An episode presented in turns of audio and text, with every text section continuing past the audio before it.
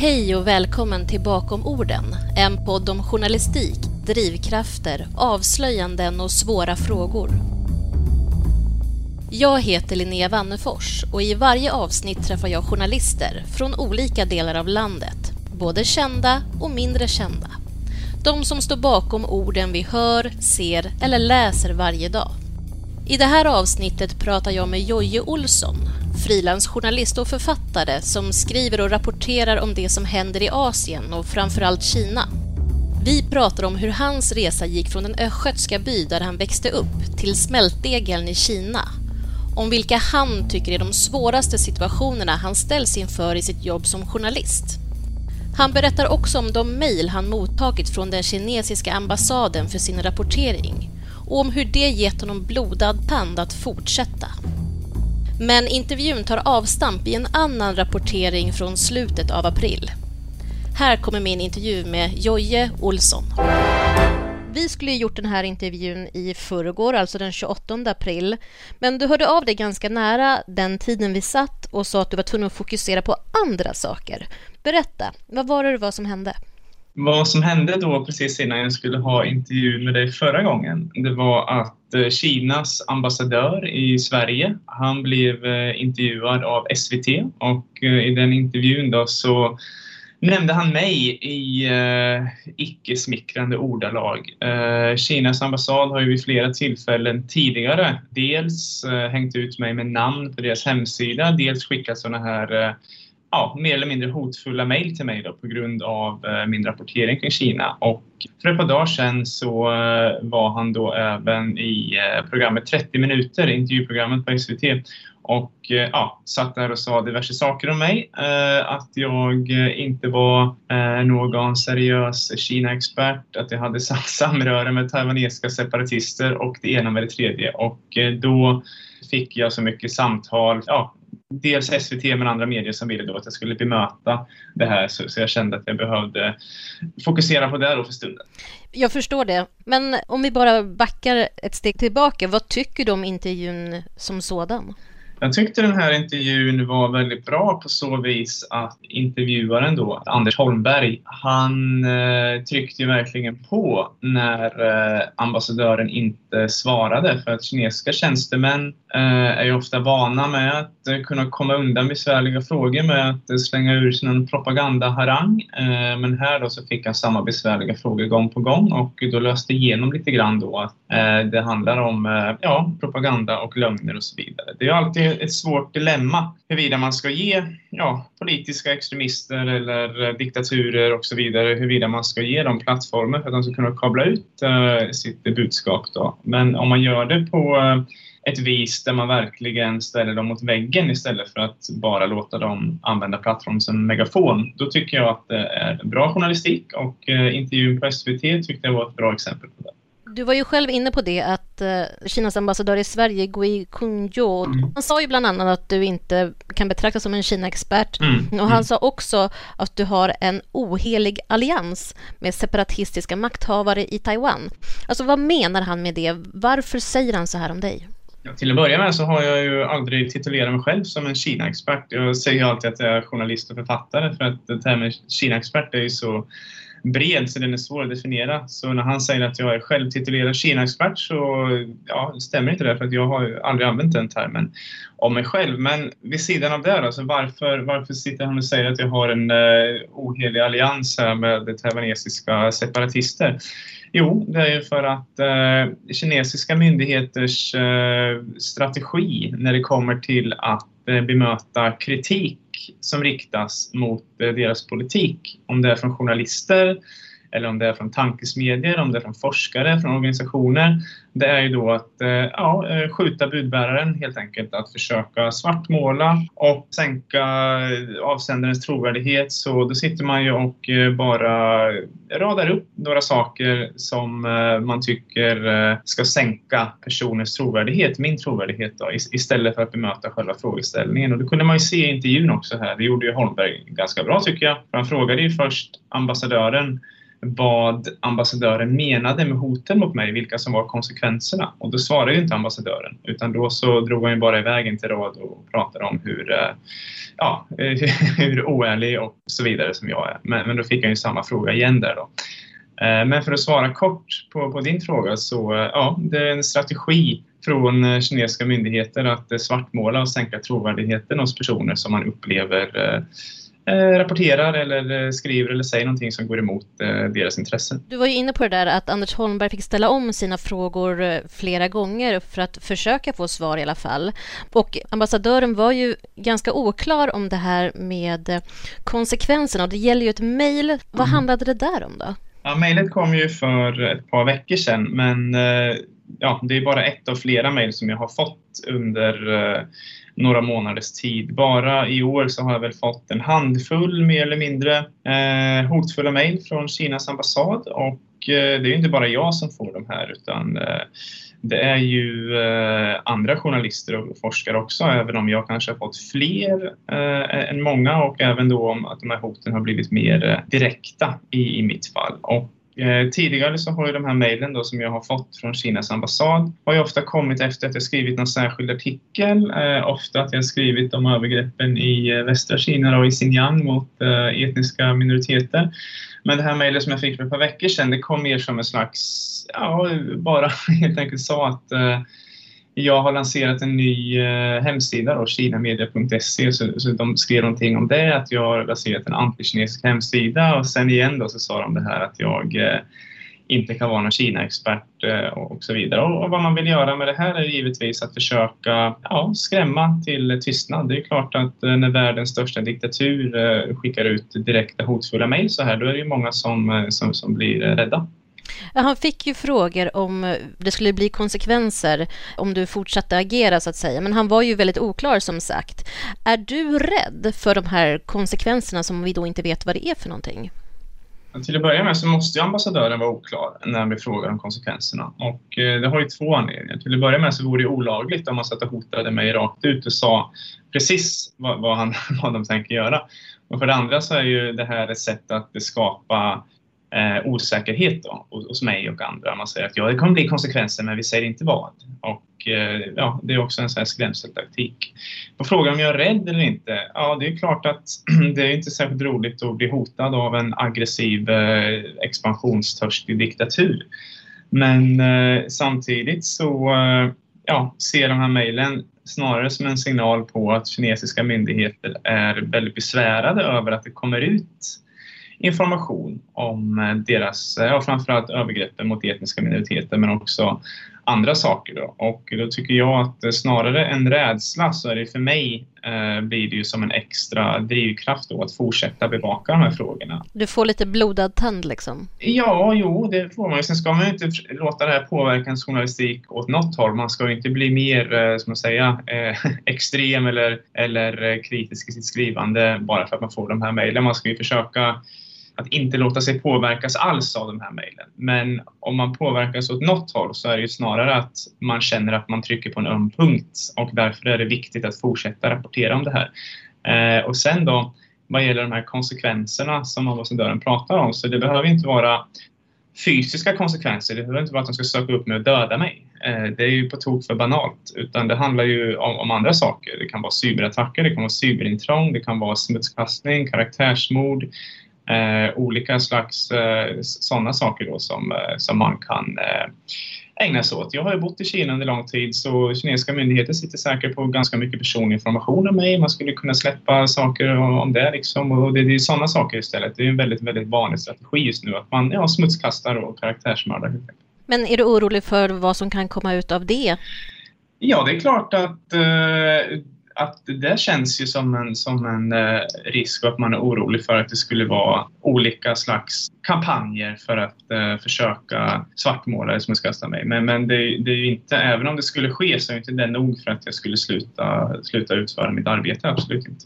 Coronapandemin har nu härjat i över ett år och i mitten av mars så skrev du en artikel om ryktesspridning från kinesiskt håll angående viruset. Alltså att det inte kommer från Kina. Berätta, vad, vad, är, man, vad är den kinesiska hållningen? man vill eh, slå ifrån sig skulden för, för den här pandemin för att eh, ja, kinesiska myndigheter har fått skulden då att varför kunde den här pandemin uppstå och sprida sig så snabbt? Jo, det är ju då för att den här informationen som fanns i början, de här varningarna som utfärdades, de, de tystades ju ner. Det var flera så kallade visselblåsare som tystades ner.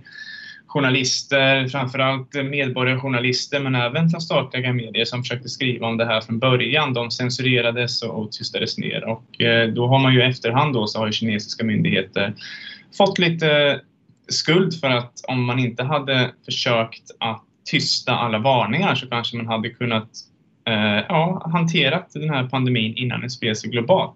Och kinesiska myndigheter, Kinas regim är inte särskilt bra på att ta kritik. Så eh, ja, rent reflexmässigt då, vad man vill göra istället är ju att försöka stå ifrån sig och eh, så tvivel. Och man är ju duktig på desinformation och propaganda så Redan för ungefär ett år sedan, eller drygt ett år sedan, så eh, påbörjade man en propagandakampanj som gick ut på att säga att bara för att viruset först observerades i Kina, för att det först syntes till i Kina, behöver det inte betyda att det uppstod i Kina.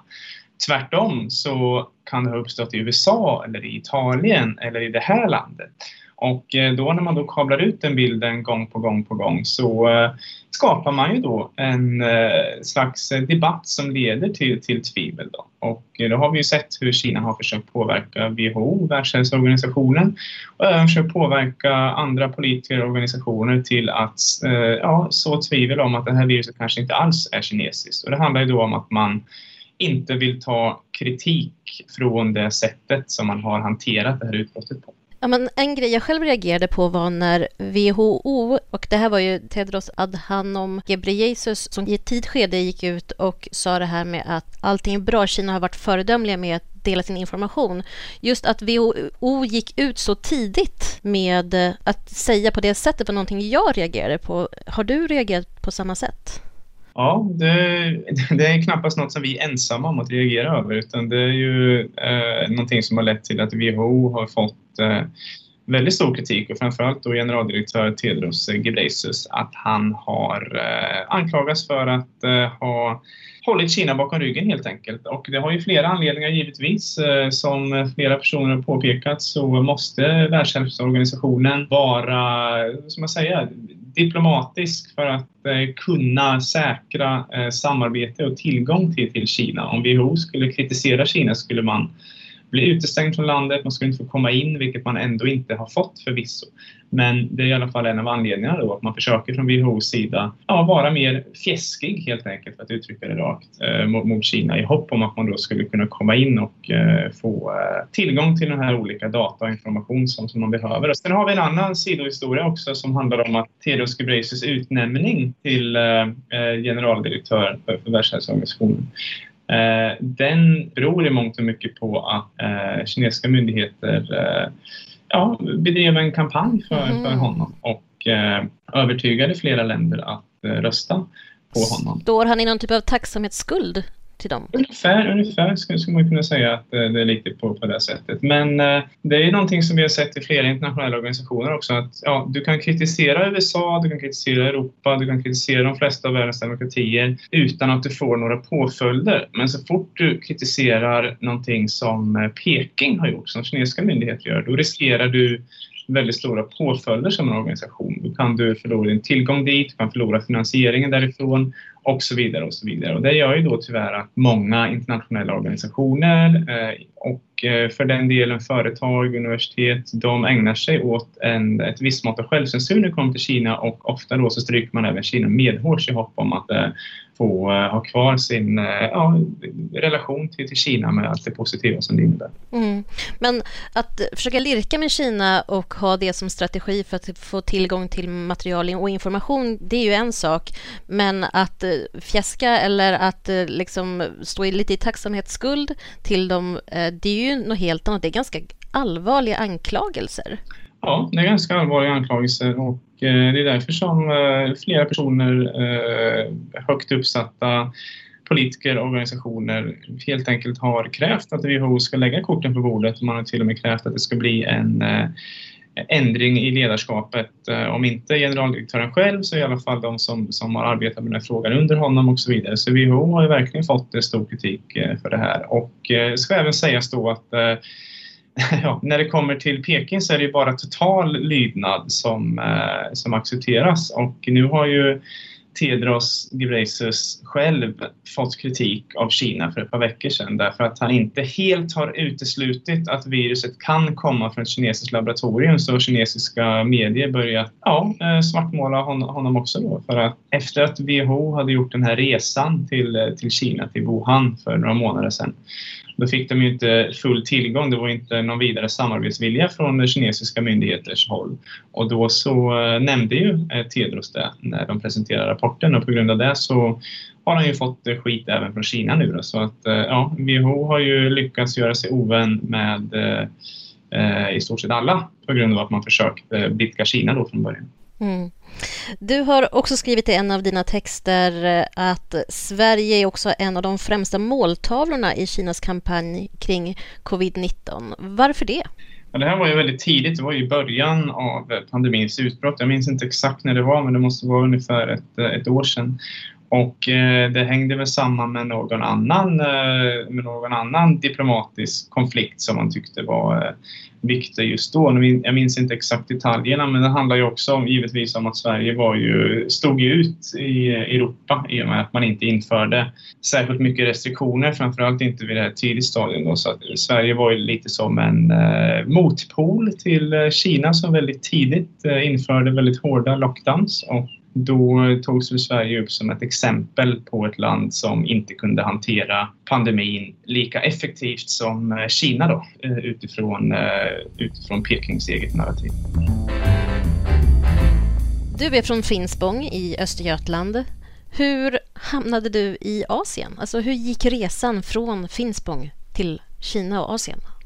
Mm, det stämmer bra. Jag är från Finspångs kommun, då, så ett litet ställe som heter Grytgöl som ligger utanför, eh, utanför Finspång där så jag inte får någon mothugg. Så där har jag vuxit upp i, de trakterna och sen eh, om man ska göra en lång historia kort då, så efter eh, lumpen så får man ett eh, muckarbidrag och då beslutar jag och en vän oss för att spendera de pengarna på att tågluffa i Asien. Och eh, det var 2004 när jag reste genom Kina då som ett av länderna första gången och tyckte att det var väldigt eh, dynamiskt och intressant och eh, ja, spännande framför allt. Och efter den resan så började jag plugga på universitet i Sverige och eh, då pluggade jag något som heter kulturvetenskap i Linköping och eh, jag fokuserar lite på kinesisk eh, historia där då, i, mina examensuppsatser. Och sen vann jag med en av de här uppsatserna en biljett till Kina, en flygbiljett till Kina i en tävling. Eh, där man kunde skicka in Kina-relaterade texter. Och på grund av det då så beslutade jag mig för att nu ska jag ta den här biljetten och åka till Peking och sen ska jag stanna där ett halvår för att plugga kinesiska för det var vad jag alltid hade gått och Eh, ja, drömt lite om det och varit lite sugen på. Och eh, sen efter att jag flyttade dit 2007 så eh, var det så spännande att jag har inte kunnat slita mig sen dess. Du har skrivit i en text att du förfördes av Kina vid första besöket. Vad var det som var den här förförelsen? Jag tror att eh, när man kommer från ett eh, väldigt liten by då, som, som Grytgöl, men om man är väldigt eh, nyfiken eh, och sen kommer man till ett ställe ja, som är den, den egentliga motsatsen då. Att, eh, en av eh, världens eh, största städer som dessutom är under en väldigt, väldigt dramatisk utveckling. Eh, jag var i både Peking och Shanghai då. Eh, till skillnad då mot den svenska landsbygden där allt är ganska ja, stabilt och eh, långsamt och monotont så eh, såg man ju då att det var en eh, väldig dynamik i, Kina, då, både i städer och landsbygd. Och det var det som jag förfördes av, att här händer det väldigt mycket. Det är väldigt många människoöden som håller på att förändras just här. Och det var väldigt, som jag säger, man brukar väl kalla det för melting pot. Det är väldigt mycket folk från olika bakgrunder, olika kulturer. Dels från hela Kina då givetvis. Kina är ju stort som en, som en kontinent eh, nästan och sen då från andra delar av världen och alla de här eh, samlades i eh, framförallt då Peking där jag spenderar mest tid men även eh, i eh, andra ställen i Kina och man kunde verkligen ja, ta på eh, spänningen i den här utvecklingen och alla de här drömmarna som, som kom samman på ett och samma ställe. Och du lärde dig kinesiska och då är det mandarin. Mm, det stämmer bra. Ja. Hur svårt var det då? Alltså, när kände du att nu behärskar jag, nu kan jag det här språket? Det är väldigt svårt eftersom det är så otroligt annorlunda från eh, de språken som vi eh, är vana vid i eh, Europa. Och jag tror att om man ska lära sig kinesiska så måste man ha möjlighet att sätta sig ner och plugga pluggade på heltid under en längre tid. Och det hade ju jag då i och med att eh, jag eh, ja, ansökte till språkutbildning helt enkelt eh, 2007 där och pluggade på heltid under ett år. Då. Och om man då är motiverad och pluggar hårt, vilket, vilket jag gjorde eftersom jag såg språket som en nyckel för att förstå vad som hände i samhället, då kan man då efter ett år komma upp till en nivå som är tillräckligt bra för att man ska kunna lära sig själv på egen hand genom att vistas i samhället, prata, lyssna, läsa och så vidare. Så jag kan väl säga att ungefär efter ett år där så kände jag att jag var på en nivå där jag kunde ta mig fram och lära mig, ja, learning as you go eh, helt enkelt. Och nu då för att fokusera på journalistiken. Var började det för dig? Jag har alltid tyckt om att eh, skriva.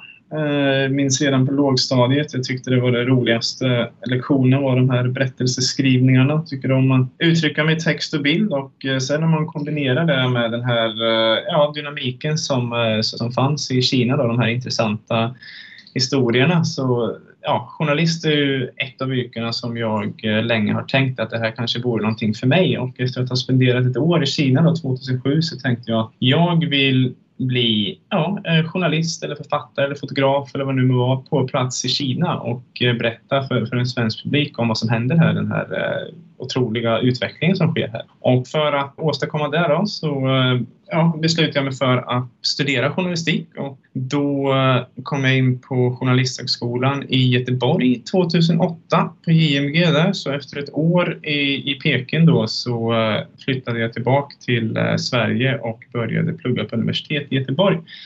Men jag märkte ganska snabbt att det här var inte riktigt vad jag var ute efter för att eh, på JMG så får man lära sig främst då hur man rapporterar om svensk politik eller hur man rapporterar om det svenska samhället i den mån som det var någon fokus på utrikesrapportering så upplevde jag att det var väldigt eh, inriktat på USA eller EU. Ja, om man ville bli Kina-reporter så var det inte särskilt mycket att inspireras av eller lära sig, krasst uttryckt, genom att plugga i, Göteborg. Så jag började se mig efter andra alternativ och eh, då hittade jag en eh, magisterutbildning i journalistik i Hongkong då, vid University of Hong Kong som är en av de eh, ja, bäst rankade journalistutbildningarna i eh, regionen och eh, dessutom då med fullt fokus på hur rapporterar du om Kina, hur rapporterar du om regionen.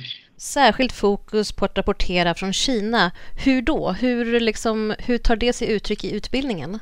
Ja, bara för att återge några kursnamn eh, som vi hade då under utbildningen så kan det vara då eh, Chinese Politics, How to eh, Decipher Chinese Media och så vidare. Vi hade alla kurser, eller ja inte riktigt alla, för vi hade ju praktiska kurser också som exempelvis hur gör man radio, hur, hur eh, fotograferar man, hur gör man film, men, men alla de här eh, teoretiska kurserna, de hade ju ett fokus på Kina helt enkelt. När, när vi läste och skrev artiklar som, som, som användes som exempel i utbildningen, då handlade det om, om, om Kina, eh, om, om regionen. Och när vi diskuterade saker, när vi hade ja, läxor eller eh, diskussioner eller uppgifter, vad det nu må vara, så var det ju alltid då eh, fokus på Kina. Och, framför allt, vad som kanske var ännu viktigare än det, det var ju då att bland de 60 eleverna på det här, eh, på det här programmet så var ju 30-40 stycken från regionen, både från Kina, från Hongkong och från andra asiatiska länder. Så det gjorde ju att man skapade sig ett kontaktnät så intressanta diskussioner om utvecklingen i Kina, både politiskt och journalistiskt. Och som en sista punkt då så var ju givetvis eh, eh, de flesta lärarna hade ju själva erfarenhet av att rapportera om eller från Kina. Så, så det var ju en väldigt stor inriktning på ja, geografisk inriktning. Och idag är du då främst skrivande journalist. Vad betyder det skrivna ordet för dig? Eh, jag tror att det skrivna ordet är någonting som, ja, beroende på givetvis vart det publiceras, men det är någonting som alltid finns kvar och alltid är relevant, kan jag säga. Eh, jag har ju skrivit eh, böcker också bland annat. Om jag går tillbaka och ser och läser mina böcker då, som eh, första 2013 och tittar så är ju det en skildring som ja, det går att sätta sig in ganska, ganska enkelt i. Det blir som en dokumentation. Mm. Men vad tycker du gör att du står ut? Alltså hur ser du på dig själv som journalist? Eh, jag tror att som journalist är det alltid viktigt att ha en eh, nisch och framförallt om en frilansar, då som, eh, som jag har gjort ja, under hela min karriär. Då är, det mycket, då är det mycket viktigt att ha en nisch då, så att om man exempelvis är baserad i Sverige då är det väldigt svårt att vara en allmän nyhetsjournalist och eh, hanka sig fram som frilansare utan då gäller det kanske att vara eh, särskilt intresserad av kanske teknik eller kanske en viss idrott eller det kan vara eh, finans eller vad det nu må vara.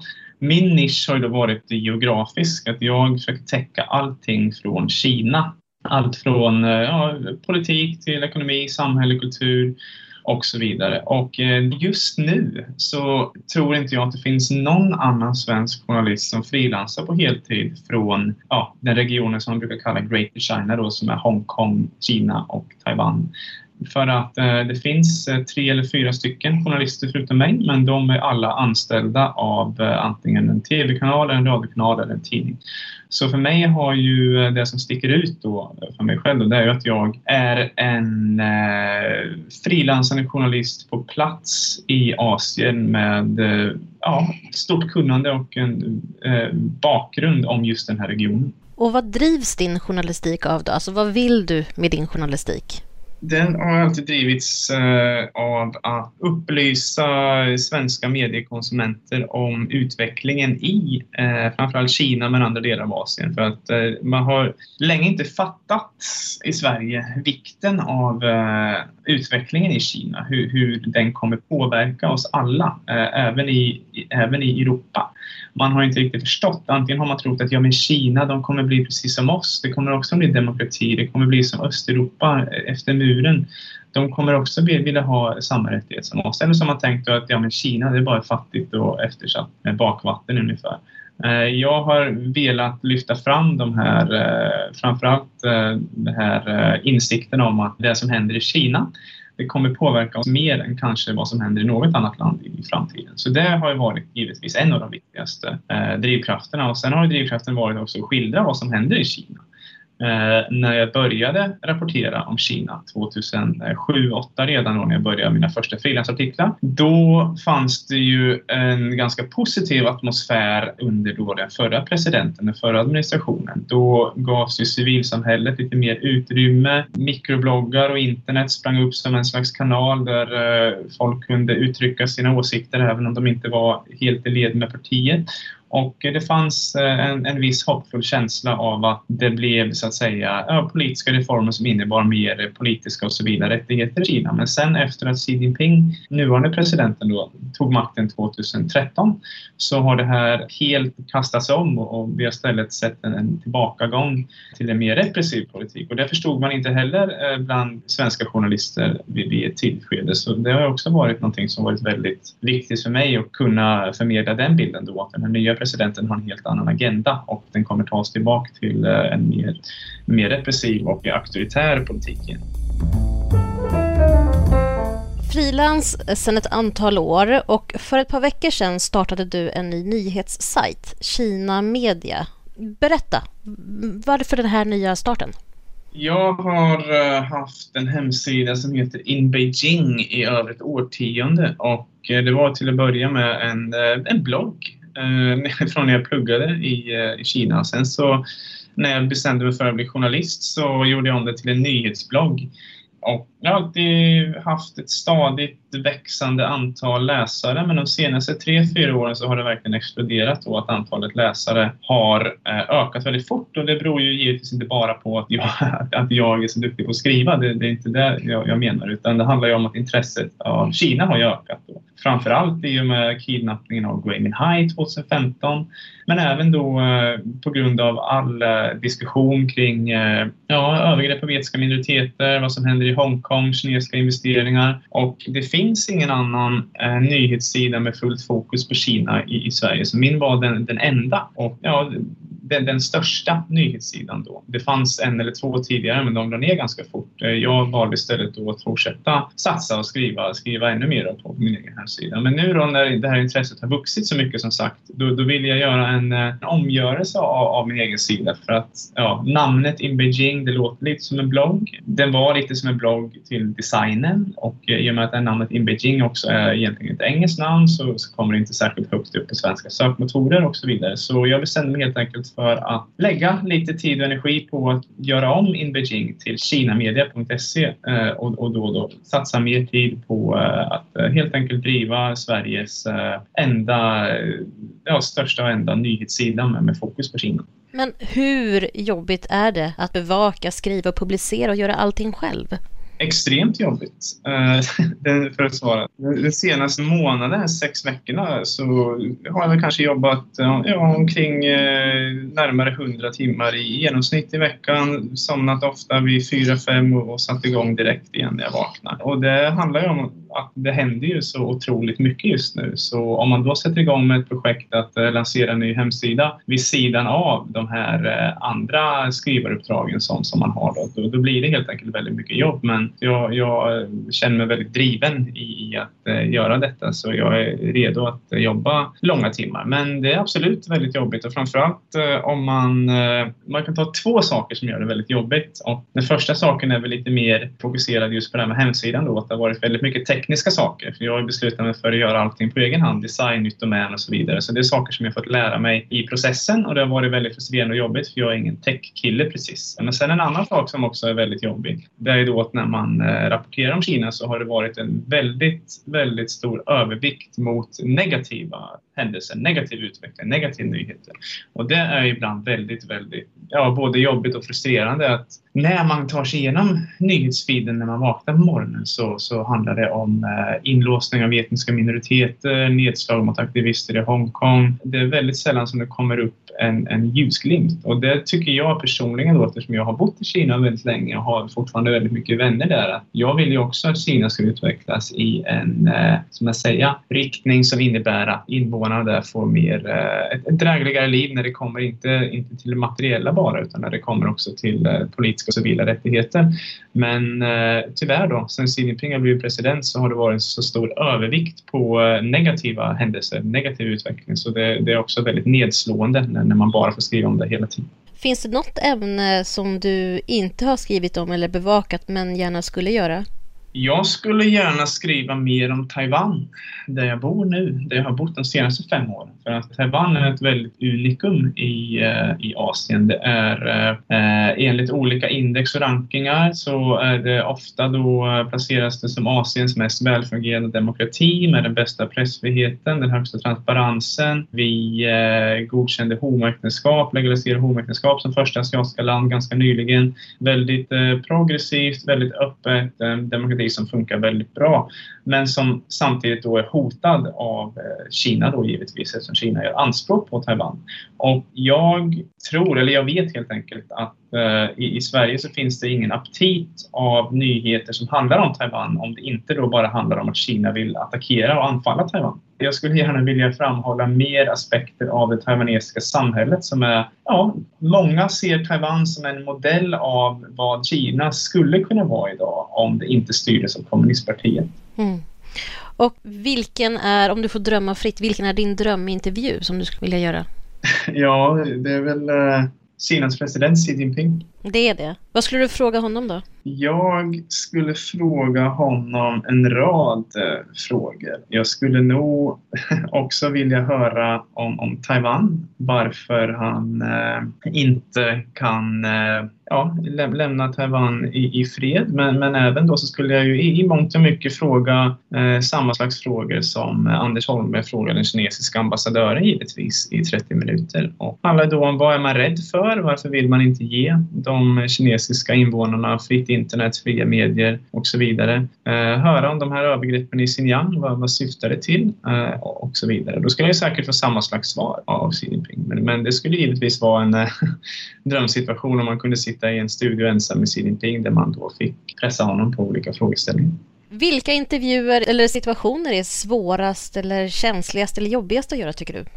De svåraste situationerna som, för en journalist i, i, i Kina, det är ju att se till så personerna man intervjuar, man talar med, man umgås med eller för den delen som, som man får hjälp av i sitt arbete inte utsätts för någon fara i och med att eh, det är eh, väldigt eh, negativt just nu för en kines att samarbeta eller ge intervjuer till, eh, till västerländska medier då, som oftast anses vara Kina-fientliga. Så det är sådana eh, saker man får ta i åtanke när man är journalist i Kina. Sådana avvägningar man behöver göra liksom. Mm, mm.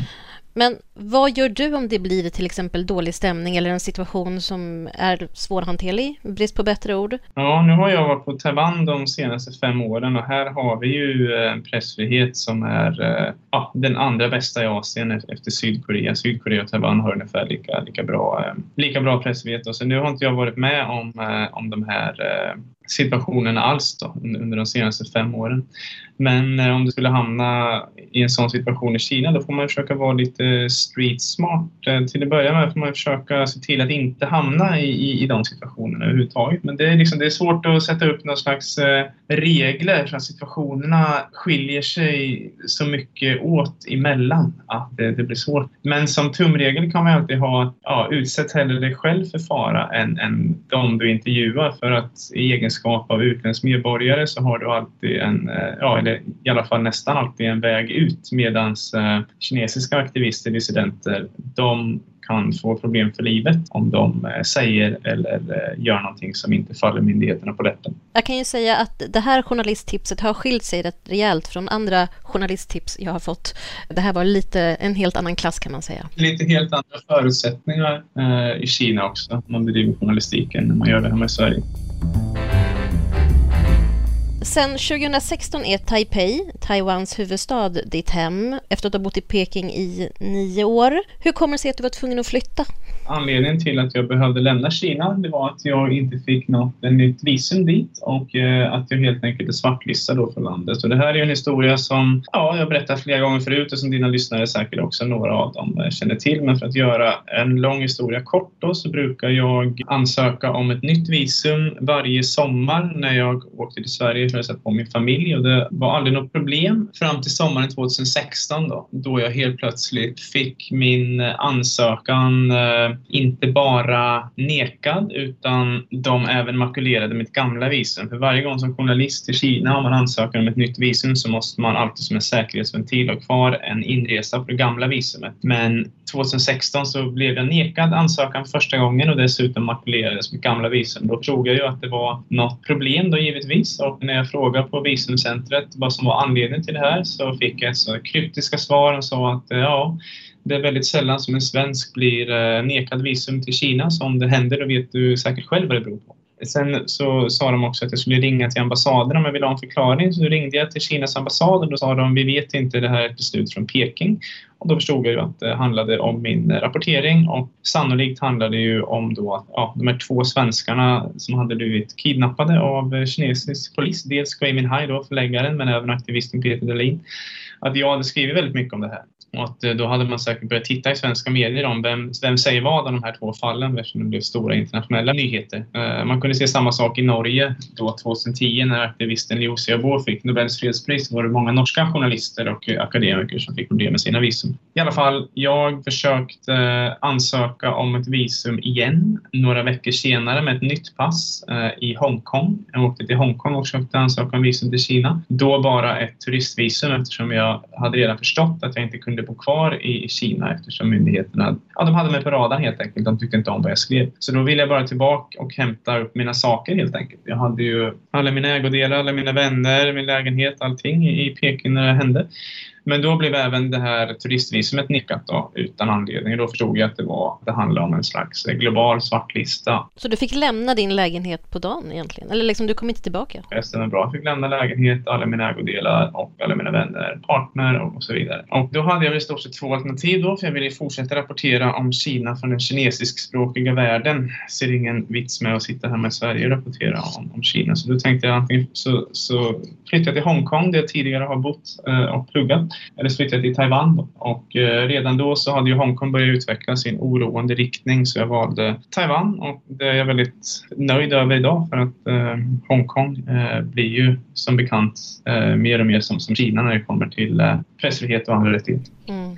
Men hur är det att bevaka ett land då som Kina utan att kunna vara där, utan att kunna besöka det? Det är en väldigt intressant fråga där för att eh, många brukar tidigare säga för kanske 10-15 år sedan att eh, den bästa platsen att bevaka Kina från är Hongkong. För där har du fritt internet, där törs personer prata med dig, du blir inte censurerad, du blir inte trakasserad av myndigheterna.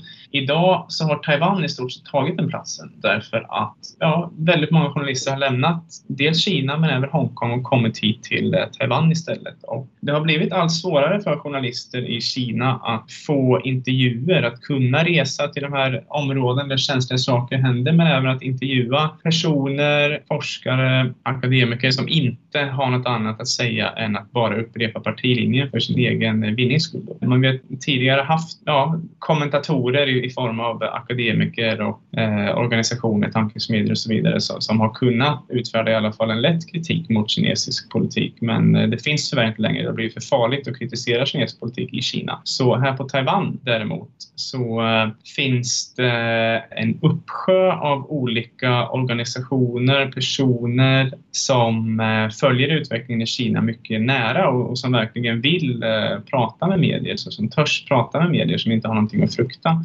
Eh, för det. Och jag tror att det finns ingen annan plats i hela världen idag där man följer utvecklingen i Kina närmare än här på Taiwan. Därför att Taiwan lever ju under ett direkt militärhot från Kina. Så eh, väldigt mycket forskning, väldigt mycket diskussion, väldigt aktuellt ämne ständigt. Eh, väldigt lätt att få inspiration om nya ämnen, få nya tips och så vidare. Så ja, vad ska man säga? Det är klart att det är bättre att vara på plats i Kina om man ska rapportera om Kina. Men samtidigt så har ju den här utvecklingen i Kina tyvärr lett till att många journalister där tvingas bedriva ett visst mått av självcensur. Det behöver man inte göra här på Taiwan. Så det är ju både för och nackdelar givetvis. Men hur hittar du nyheterna som du skriver om, alltså ämnena du bevakar, när du inte är på plats? Det finns ju eh, väldigt många, man säger, utrikesbevakare som inte är eh, i de områdena som, som, eh, som man skriver om. Och säga att det jag saknar mest av att vara i Kina, det är givetvis att kunna ta tempen på eh, den, eh, som säga, allmänna opinionen. Att eh, kunna lyssna på samtal, kunna prata med folk och så vidare. Och det gjorde ju också att man fick idéer till nya ämnen och så vidare när man var i Kina. Men som sagt, eh, här på Taiwan då, där diskuteras också Kina väldigt mycket. Framförallt i takt med att de här eh, ja,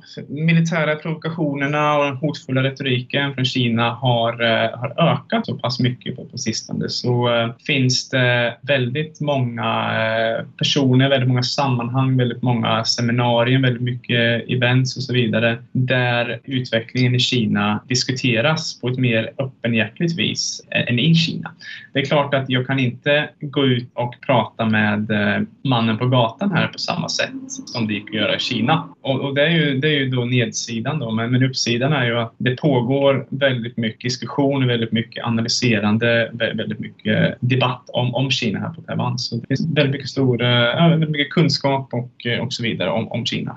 Men hur vet du att den informationen du får och rapporterar vidare är korrekt? Och att inte du själv blir ett medel för ytterligare spridning eller påverkan? nästan ingen av eh, informationen som jag eh, rapporterar om från Taiwan kommer ju från myndigheterna här, förutom då om man tar del av officiella rapporter, ekonomisk statistik och så vidare. Utan på Taiwan så eh, blir man som journalist lämnad i fred i en ganska stor utsträckning. Det är på ett liknande vis som man skulle bli i Sverige då kan jag tänka mig. Att om du kontaktar myndigheterna så får du hjälp, då kan du sätta upp intervjuer. Men om du jobbar på egen hand så kommer du inte bli så att säga störd. Och då gäller det ju ju precis i Taiwan som i Sverige att som journalist ja, göra din egen bedömning, ha din egen integritet om vilka källor som är korrekta, vilka som inte är korrekta, lyssna på olika sidor och så vidare. Det är klart att det finns personer i Taiwan som har en agenda att få ut information som, eh, som är emot Pekings intressen. Men det finns ju personer i Sverige som har en agenda att få ut olika sorts information där.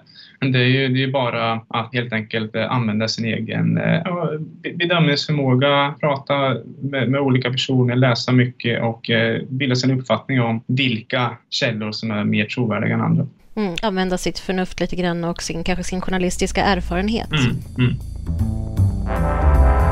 Ett återkommande tema i den här podden är läget för journalistiken i världen och i Sverige. Nu får du ta få ett annat perspektiv förstås, men hur har journalistiken just utifrån ditt perspektiv ändrats sedan du började jobba? Det har ändrats enormt här i eh, regionen. När jag började jobba så eh, fanns det i eh, Kina en väldigt intressant utveckling på landets internet på olika mikrobloggar då, där man kunde läsa internetanvändares kommentarer, eh, olika slags essäer som trendade och internet blev verkligen som en slags eh, termometer, alltså tempen på eh, allmänhetens uppfattningar om olika frågor och vad som prioriterades. Men sedan dess och framförallt då eh, sen Xi Jinping blev president då, så har ju man börjat kontrollera internet något oerhört så att den, ska man säga, källan till eh, trender, information, händelser har ju helt eh, försvunnit. Och det är klart att som journalist i Kina så tittar man ju mycket på eh, dels eh, mikrobloggar men även kinesiska medier för att plocka upp eh, lokala händelser och lokala nyheter. Och under de senaste åren så har ju kontrollen över inte bara internet utan även mediesektorn verkligen stärkts från kinesiska myndigheters sida. Och det gör det ju givetvis eh, mycket, mycket svårare att eh, verka som, eh, som journalist. Så på så sätt har det ju verkligen eh, förändrats i, eh, vad säger regionalt då och eh, man ser då att den här eh, Foreign Correspondent Club som finns i Peking då i Kina publicerar ju också medlemsenkäter varje år och jag tror att det var nu tre det var en handfull år där arbetsvillkoren har, har försämrats kraftigt varje år. Då. Det blir liksom sämre och sämre. Så från ett regionalt perspektiv så har det blivit eh, svårare och mer, som jag säger, ja, riskabelt att, att, bevaka de känsliga frågorna om man är på plats i Kina. Och eh, sen om man ser från ett svenskt perspektiv då, eller om man ser då på eh, de, eh, ja, den mediesfären som jag arbetar i så kan man väl säga att det har blivit mycket större möjligheter för eh, journalister journalister med vissa nischer att kunna publicera sig själv. Jag har ju som sagt den här hemsidan då, kinamedia.se som jag väl lägger halva min tid på ungefär och får väl närmare halva min inkomst från, från den sidan också. Och något sånt hade varit otänkbart utan ja, Swish, Patreon och, och den här eh, trenden mot eh, lite mer läsarfinansierad journalistik som man har sett tidigare. Om jag hade varit journalist för, eh, ja, när jag började då för 14-15 år sedan.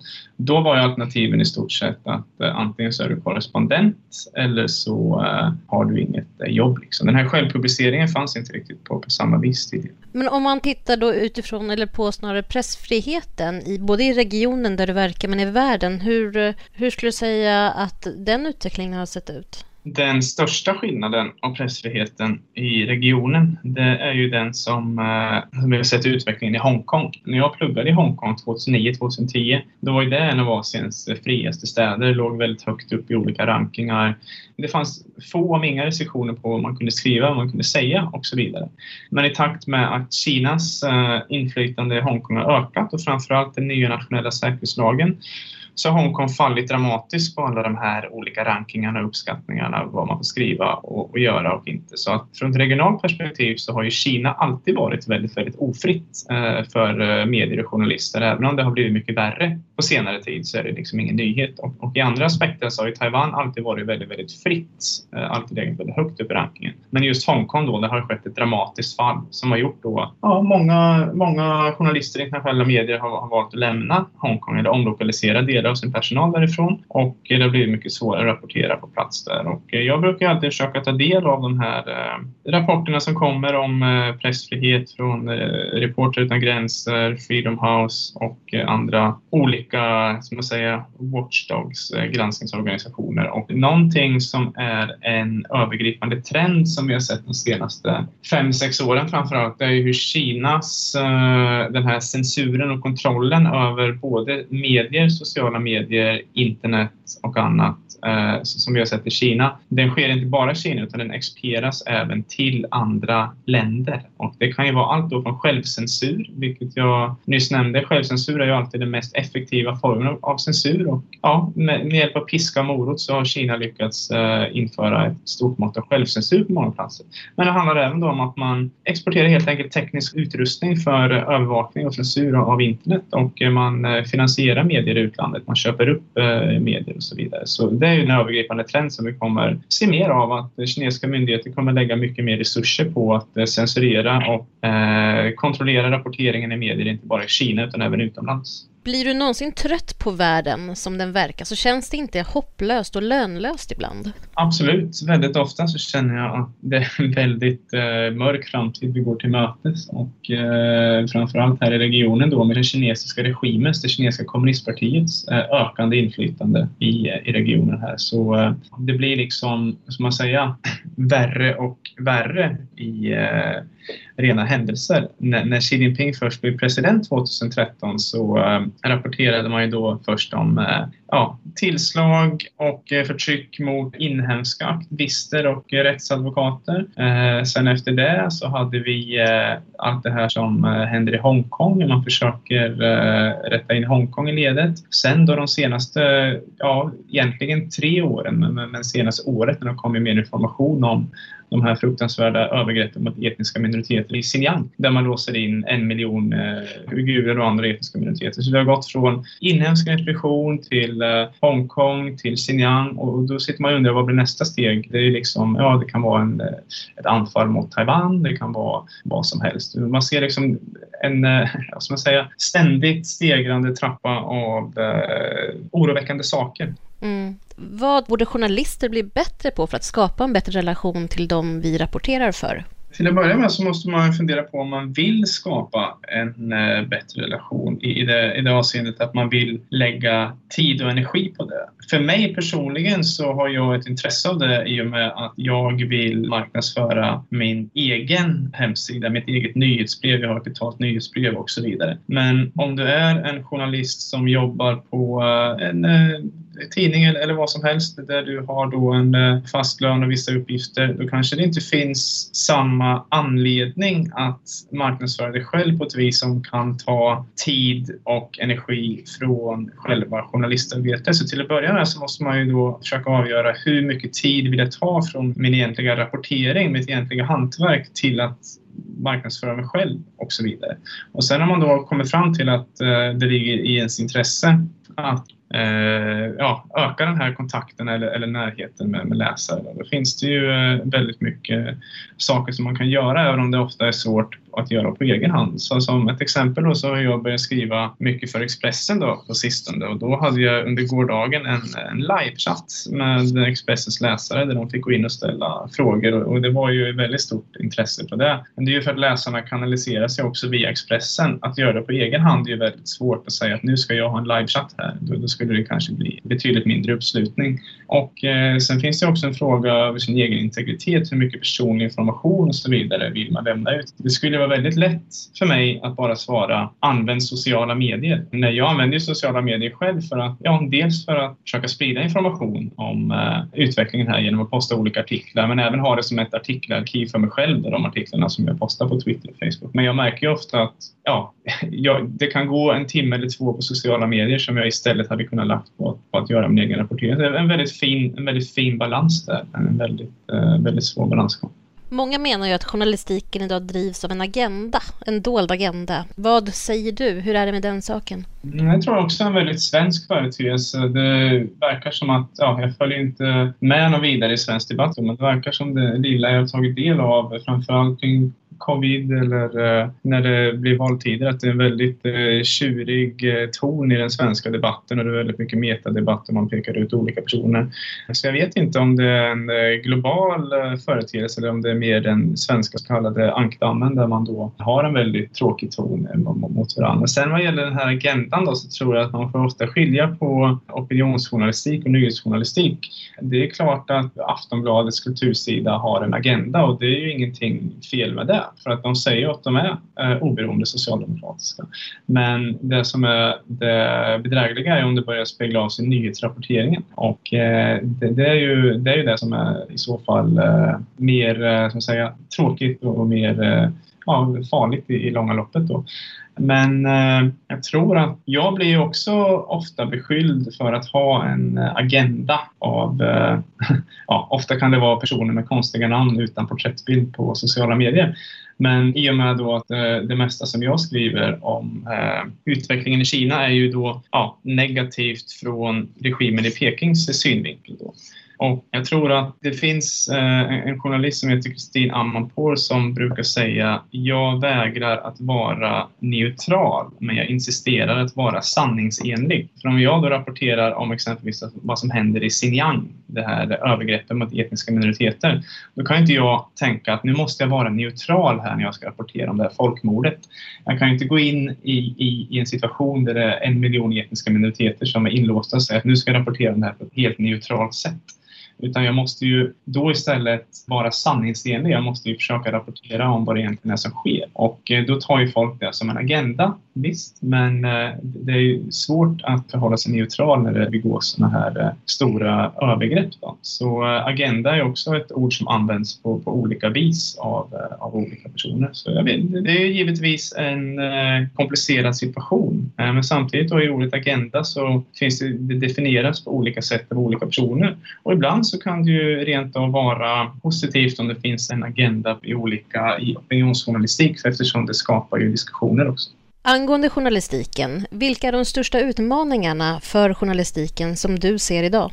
Eh, finansiering är väl givetvis en eh, utmaning i nya internet-eran, digitala eran, där eh, många nöjer sig med att läsa ja, bloggar och material som är, som är gratis. Det är lätt att få tag på information online och eh, den här eh, annonseringen framförallt i fysiska tidningar som tidigare gav mycket inkomster. Den har ju nu ersatts av digital annonsering där det kan vara företag som Google och Facebook som får den största inkomsten. Så det är givetvis naturligtvis eh, en av de största utmaningarna. Och ja, sen kan man se att polariseringen ökar ju på olika platser i världen. Som jag förstått i Sverige så har ju Sverige blivit väldigt, väldigt polariserat de senaste åren i eh, andra platser kan det vara ja, mer eller mindre polarisering och då är det ju givetvis eh, väldigt svårt att försöka hålla sig sanningsenlig då om man får eh, väldigt stora påtryckningar från ett eller annat håll och annat. Och sen överlag, det är också relaterat till finansiering. Det är ju den här ja, diskussionen med, med, med betalväggar. Då. Jag kan ju själv ibland bli väldigt frustrerad om jag har skrivit ett långt reportage som jag sen vill dela med folk och folk inte kan läsa det för att det ligger bakom en betalvägg. Samtidigt förstår jag ju att tidningarna måste ta betalt för journalistik för de betalar ju mig för att skriva det. Men det är ju den här väldigt svåra balansen att hitta mellan vad ska vara gratis och vad ska man ta betalt Vad behövs det rapporteras mer om, tycker du? Jag tycker det behövs rapporteras mer om eh, kinesiskt eh, inflytande i eh, omvärlden. Hur demokratiska länder har låtit Kina dels få, få tillgång till olika sorters teknologi men även kontrollera diskurs och debatt och med hjälp av investeringar och piska morot och så vidare. Hur Kina i en allt större utsträckning påverkar den allmänna debatten vid allt från universitet till utländska ja, tankesmedjor, eh, politiska partier och så vidare. Det har ju varit den stora frågan för mig i, i tio år då, att förstå den här otroliga negativa påverkan som Kinas utveckling och utbredning har under kommunistpartiet. Inte bara i Kina utan även i andra länder. Så det är någonting som jag absolut tycker behöver rapporteras mer om. Kinas inflytande, eh, inte bara vad som händer i Kina utan påverkan i, i, andra, i andra länder, andra delar av världen. Du har precis hört ett avsnitt av podden Bakom orden. Både mig och podden hittar du på sociala medier, bland annat under hashtaggen bakom orden. Lämna gärna en kommentar eller ett önskemål om en framtida gäst. Vi hörs!